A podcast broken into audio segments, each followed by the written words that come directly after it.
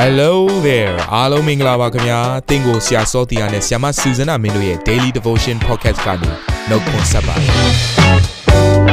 ဆရာနဲ့ဆ iam မတို့ရဲ့အသက်တာမှာဘုရားရှင်ပြုတဲ့ကောင်းကြီးမင်္ဂလာများစွာရှိပါတယ်အဲ့ဒီအထက်ကပြန်လဲစီးဆင်းတဲ့နှုတ်ကပတ်တော်ကိုဒီနေ့မှနားထောင်ပြီးခွန်အားယူကြမှာဖြစ်ပါတယ်နေ့စဉ်10မိနစ်လောက်အချိန်ပေးပြီးမိမိရဲ့အသက်တာကိုကောင်းကြီးဖြစ်စေမယ့်ဘုရားသခင်ရဲ့နှုတ်ကပတ်တော်နဲ့နီးလန်းတွေကိုအတူတကွခံယူကြရအောင်ခင်ဗျာ အားလုံးမင်္ဂလာပါ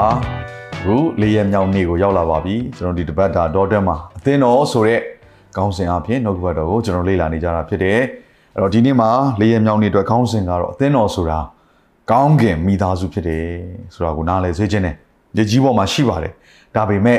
ကောင်းကင်နဲ့ဆိုင်တဲ့မိသားစုဖြစ်တယ်အာမင်အဲ့တော့နှုတ်ကပတ်ချမ်းစာကိုကျွန်တော်လေ့လာလိုက်တဲ့အခါမှာအသင်းတော်ရဲ့အစပြုခြင်းမှာ နော်အဲ့ဒီမှာရှိတဲ့အမှုတော်ဆောင်တွေအသင်းသူအသင်းသားတွေနော်တမန်တော်တွေပေါ့သူတို့အချင်းချင်းတယောက်ကိုတယောက်ယဉ်နှီးကျွမ်းဝင်စွာဖြင့်ဆက်ဆံတဲ့အခါမှာသုံးတဲ့စကားလုံးတစ်လုံးရှိပါတယ်အဲ့ဒါကတော့ brothers ညီအကိုတို့ဆိုတဲ့စကားလုံးတွေဖြစ်ပါတယ်နော်ညီအကိုများဒီစကားလုံးလေးကိုသုံးကြပါတယ်ဆိုတော့အတိတ်ဘက်ကဘာကိုပြောနေတာလဲလူမျိုးတူချင်းမတူလေးမယ်နေတဲ့အရက်ပညာရေးတွေအခြေအနေတွေတူချင်းမတူလေးမယ်ဒါပေမဲ့ငါတို့ဟာညီအကိုမောင်နှမတွေဖြစ်တယ်ငါတို့ဟာမိသားစုတစုရဲ့မိသားစုဝင်တွေ ဖြစ်တယ်ဆိုတာကိုဒီနားလည်ဖို့ရင်အလုံးကအိုက်စကလုံးကိုသူတို့သုံးကြပါတယ်အဲ့တော့အသင်းတော်ဟာမိသားစုကဲ့သို့ဖြစ်လာပြီဆိုတော့ဒီအိမ်တော်တစ်ခုလုံးရဲ့အချုပ်ချာဦးကောင်းကတော့နော်ခရစ်တော်ဖြစ်တယ်ဟာလေလုယာဖြစ်ပွားစေတာကတော့ဟောခမည်းတော်ဖခင်ဖြစ်ပါတယ်အဲ့တော့ကျွန်တော်တို့နှုတ်ကပတ်တော်ကိုလေ့လာလိုက်တဲ့အခါမှာယေရှုခရစ်တော်ရဲ့ရွေးနှုတ်ကယ်တင်ခြင်းအပြင်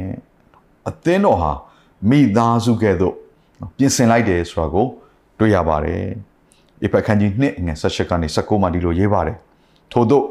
ခရစ်တော်အဖြစ်ငါတို့နှစ်ဦးသည်စိတ်ဝိညာဉ်တစ်လုံးတဝါတဲ့ဖြစ်၍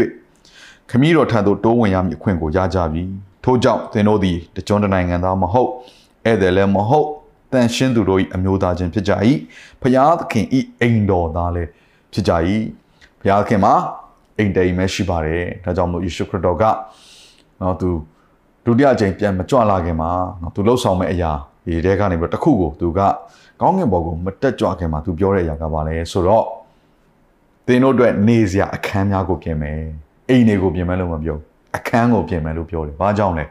တအိမ်နဲ့ရှိလို့ဖြစ်တယ်ဆိုလိုတဲ့အရာကတော့နော်ယေရှုခရစ်တော်အားဖြင့်မိသားစုတစ်ခုတည်းဖြစ်တယ်အဲ့တော့ဒီကျမ်းစာလေးထဲမှာဒါတကြွတဲ့နိုင်ငံသားလို့ပြောတဲ့အခါမှာနော်ဒီကျမ်းစာဟာဘာကိုပြောနေလဲဆိုတော့တပါးမျိုးသားတွေနဲ့ နော်တခါဣသရေလလူမျိုးတွေဒါဣသရေလလူမျိုးတွေဆိုတာကတော့ဘုရားသခင်ရဲ့မူလအစကတည်းကငါရဲ့လူမျိုးလို့သတ်မှတ်ပြီးတော့ရွေးချယ်ခဲ့တဲ့အမျိုးဖြစ်ပါတယ်ဆိုတော့အဲ့ဒီကနေတစ်ဆင့်နော်ယေရှုခရစ်တော်ကပေါ်ထွက်လာပြီးတော့နော်ဒီကမ္ဘာလုံးအတိုင်းအတာလူမျိုးပေါင်းစုံအတွက်ကယ်တင်ခြင်းကိုပြုပါတယ်အဲ့တော့ယေရှုခရစ်တော်ကိုယုံကြည်လက်ခံလာတဲ့အခါမှာလူမျိုးပေါင်းစုံဖြစ်လာပါတယ်ဒါပေမဲ့ဒီနေရာမှာဣသရေလလူမျိုးနဲ့အခြားသောလူမျိုးတွေအားလုံးဟာခရစ်တော်ထဲမှာမိသားစုတစ်ခုတည်းဖြစ်သွားတယ်ခရစ်တော်အထဲမှာတအိမ်တည်းဖြစ်သွားတယ်နော်ခရစ်တော်အထဲမှာ အိမ်တော်သားတစုတစည်းတည်းဖြစ်သွားတယ်ဆိုတာကိုဒီကျမ်းစာအဖြစ်နားလည်ရတယ်အဲ့တော့ဘုရားသခင်သဘောသဘောကိုကြည့်လိုက်တဲ့အခါမှာလေကျွန်တော်တို့၃ပါးတစ်လုံးတော့ရတယ်ဘုရား၃ပါးတစုဘုရားဖြစ်တယ်ဆိုတာကိုကျွန်တော်ကျမ်းစာတွေကိုဖတ်ရှုလိုက်တဲ့အခါမှာနားလည်ရတယ်ခမကြီးတော်သားတော်တန်ရှင်တော်ဝိညာဉ်တော်ဆိုတော့အတိတ်ဘက်ကပါလေမိသားစုဖြစ်ခြင်းဆိုတဲ့အရာနော်တူတယောက်တည်းခွဲမနေဘူးမိသားစုဖြစ်ခြင်းတစ်လုံးတော့ရတယ်ဖြစ်ခြင်း တူကပြောရအောင်တူကသဘောတူခြင်းနော်ညှင်းဆန်ခြင်းမရှိဘူးဝန်ခံအနှံ့ခြင်းအရာခတ်သိမ်းကိုမိသားစုဖြစ်ခြင်းဆိုတဲ့အရာကိုဘုရားရှင်သဘောသဘောထဲမှာတွေ့ရတယ်အဲကြောင့်ဖန်ဆင်းခြင်းကိုပြန်ပြီးတော့ကြည့်လိုက်တဲ့အခါမှာလေဘုရားသခင်ကအာရန်နဲ့အေဝါကိုနော်ဖန်ဆင်းပြီးသွားတဲ့အခါမှာအချင်းတို့များပြားစွာဝေဖွားကြလောဆိုတော့မိသားစုဖြစ်ခြင်းကိုပဲဘုရားသခင်ကလူသားရဲ့အစမှာလှုပ်ဆောင်ပါတယ်ဒါကြောင့်နော်ယောက်ျားနဲ့မိန်းမအတူပေါင်းစည်းခြင်းအဖြစ်နောက်ထပ်မျိုးဆက်သစ်တွေမွေးဖွားလာတဲ့အခါမှာဒါဟာမိသားစုတစ်ခုတည်းဆိုတဲ့အရာကို ဖော်ပြနေတာဖြစ်ပါတယ်။ဒါကြောင့်ဒီနေ့ဘုရားသခင်ဟာဒီနေ့အာဒန်နဲ့အေဝါအားဖြင့်အေရင်ဥယျာဉ်မှာနော်သူဖြစ်ခြင်းနဲ့အကောင်ဆုံးသောအိမ်ထောင်ကိုနော်ဖော်ပြခြင်းအကောင်ဆုံးသောမိသားစုကိုဖော်ပြခြင်းဆိုရယ်ကောင်းဝင်တဲ့ဆိုင်တဲ့အရာကိုဖော်ပြဖို့ရန်အတွက်ပြင်ဆင်တဲ့အခါမှာအာရနဲ့အေဝါတို့ကကောင်းမွန်စွာမဖော်ပြနိုင်ခဲ့ဘူးအပြစ်အားဖြင့်ဒီနေ့ဘုရားသခင်ကိုစံကြံပဲပြုကြတယ်ဒါကြောင့်မလို့ဘုရားသခင်ဟာဒီနောက်ထပ်အိမ်ထောင်တစ်ခုကိုပြင်ဆင်ပါတယ်အဲဒါကတော့သူတို့သားယေရှုခရစ်တော်နဲ့သူတို့သမီးတွေဟူသောအသင်းတော်ဖြစ်တယ် နော်ဆိုတော့ဒီပေါင်းစည်းခြင်းဟာဒီနေ့မိသားစုအိမ်တော်တစ်ခုတည်းစီကိုသွားမယ်ဆိုရက်ညွှန်ပြချက်လည်းဖြစ်တယ်ဒါကြောင့်မလို့အသင်းတော်ဆိုရက်ဒီနေ့ခရစ်တော်ရဲ့သူတို့သမီးဟာအိမ်တော်တစ်ခုတည်းတစ်လုံးတဝါတည်းစုစည်းထားတဲ့နော်မိသားစုဖြစ်တယ်ဆိုတာပို့ပြီးတော့ကျွန်တော်နားလဲသဘောပေါက်စေချင်ပါတယ်လို့เนาะအေဖက်ခန်းကြီးအာ3 14ရက်နေ့15ကို ကျွန်တော်ဖတ်ချင်ပါတယ်အထက်ဆိုခဲ့ပြီးတော့အကြောင်းကြောင့် ကောင်းကင်ပေါ်မြေကြီးပေါ်၌ရှိသောတအိမ်တောင်လုံးဒီဟူသောသားတော်အပေါင်းတို့၏အချုပ်ချာဖြစ်တော်မူသောငါတို့သခင်ယေရှုခရစ်ခမည်းတော်ရှိမှာငါသည်ဒူးထောက်၍ဆူတောင်းလေရှိတအိမ်ထောင်လုံးဒီဟူသောသားတော်ပေါင်းတို့၏အချုပ်ချာအာမင်ဒါကြောင့်မလို့အသင်းတော်ဟာအိမ်တစ်ခုတည်းဖြစ်တယ်ဆိုတာကိုသဘောပေါက်စေချင်ပါတယ်ဟိပြခန်းကြီးနှစ်အငယ်30ကနေ7နှစ်မှာလည်းဒီလိုရေးပါတယ်အကြောင်းမူကားများစွာသော သားတို့ကိုကယ်တင်၍ဘုံစည်းစိမ်စံစားရသောပို့ဆောင်သောအရှင်သည်ဒုက္ခဝေဒနာအဖြစ်ဆုံးလင်ခြင်းသို့ရောက်ရမည်အကြောင်းခတ်သိမ်းသောအရာတို့ကိုဖန်ဆင်း၍အုပ်ဆိုးတော်မူသောဘုရားသခင်သည်စီရင်တော်မူအပ်၏တန်ရှင်းစေတတ်သောသူနှင့်တန်ရှင်းစေအပ်သောသူများတို့သည်တပါးရီသောပဂတိရှိကြ၏ထို့ကြောင့်တန်ရှင်းစေတတ်သောသူသည်တန်ရှင်းစေအပ်သောသူတို့ကိုညီအကိုဟူ၍ခေါ်ခြင်းကရှက်ကြောက်တော်မူထို့သောခေါ်တော်မူသောအချက်ဟူမူကားတရင်တော်ကိုအကျွန်ုပ်ညီအကိုတို့ကအ ကျွန်ုပ်ကြားပြောပါမည်ပြိဿအလယ်မှာကိုရောကိုချီးမွမ်းအချင်းဆိုပါမည်ဟုလာသည်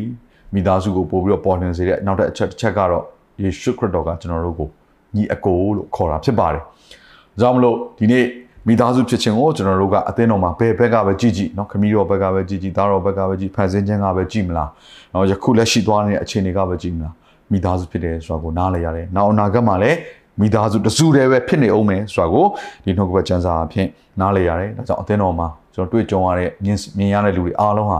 ကျွန်တော်တို့ရဲ့ညီကိုမောင်နှမတွေဖြစ်တယ်ဆိုတာကိုသင်လက်ခံတတ်ဖို့လိုပါတယ်။နော်တချို့သောသူတွေကကိုနဲ့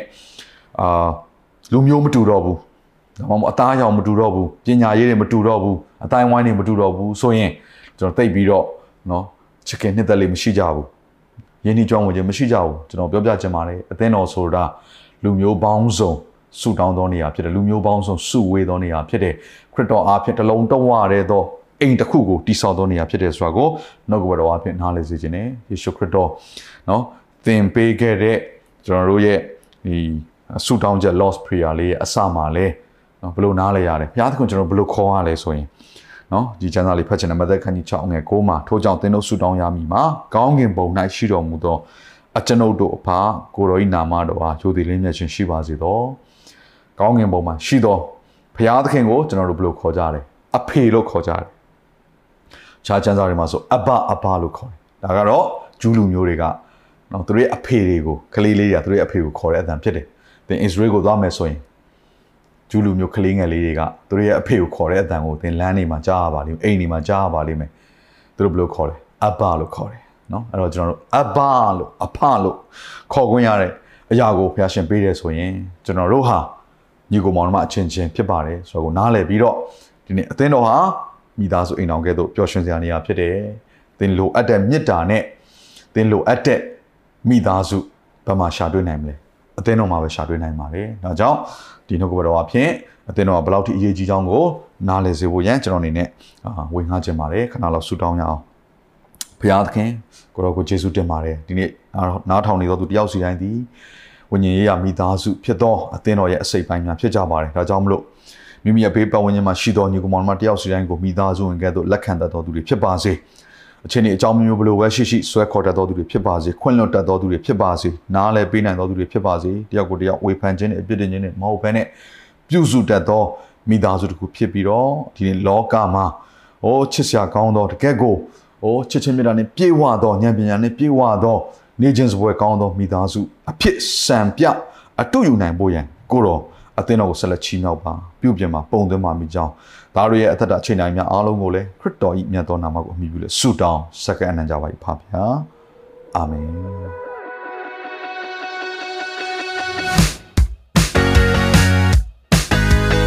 နာတော်တာစင်သူတိုင်းရဲ့အသက်တာမှာကောင်းကြီးဖြစ်မယ်ဆိုတာကိုကျွန်တော်ယုံကြည်ပါတယ်။ သင်ရဲ့အသက်တာအတွက်များစွာသော resource တွေနဲ့ update တွေကို Facebook နဲ့ YouTube platform တွေမှာလည်းကျွန်တော်တို့ပြင်ဆင်ထားပါတယ်။ Facebook နဲ့ YouTube တွေမှာဆိုရင် search box ထဲမှာစုစွမ်းနာမင်းလို့ရိုက်ထည့်လိုက်တဲ့အခါအပြအယောင်အမှန်ချစ်ထားတဲ့ Facebook page နဲ့ YouTube channel ကိုတွေ့ရှိမှာဖြစ်ပါတယ်။နှုတ်ကပတ်တော်တွေကိုဗီဒီယိုအားဖြင့်လည်းခွန်အားယူနိုင်ဖို့ရန်အတွက်အစင်သစ်ပြင်ဆင်ထားပါတယ်။ကျွန်တော်တို့ဝิญဉ်ရေးရာအတွက်အထူးလိုအပ်တဲ့ဖွင့်ပြခြင်းတွေနဲ့ခွန်အားတွေကိုရယူလိုက်ပါ။နောက်ရက်များမှာပြန်ဆုံတွေ့ကြရအောင်ခင်ဗျာ။အားလုံးကို နှုတ်ဆက်ပါတယ်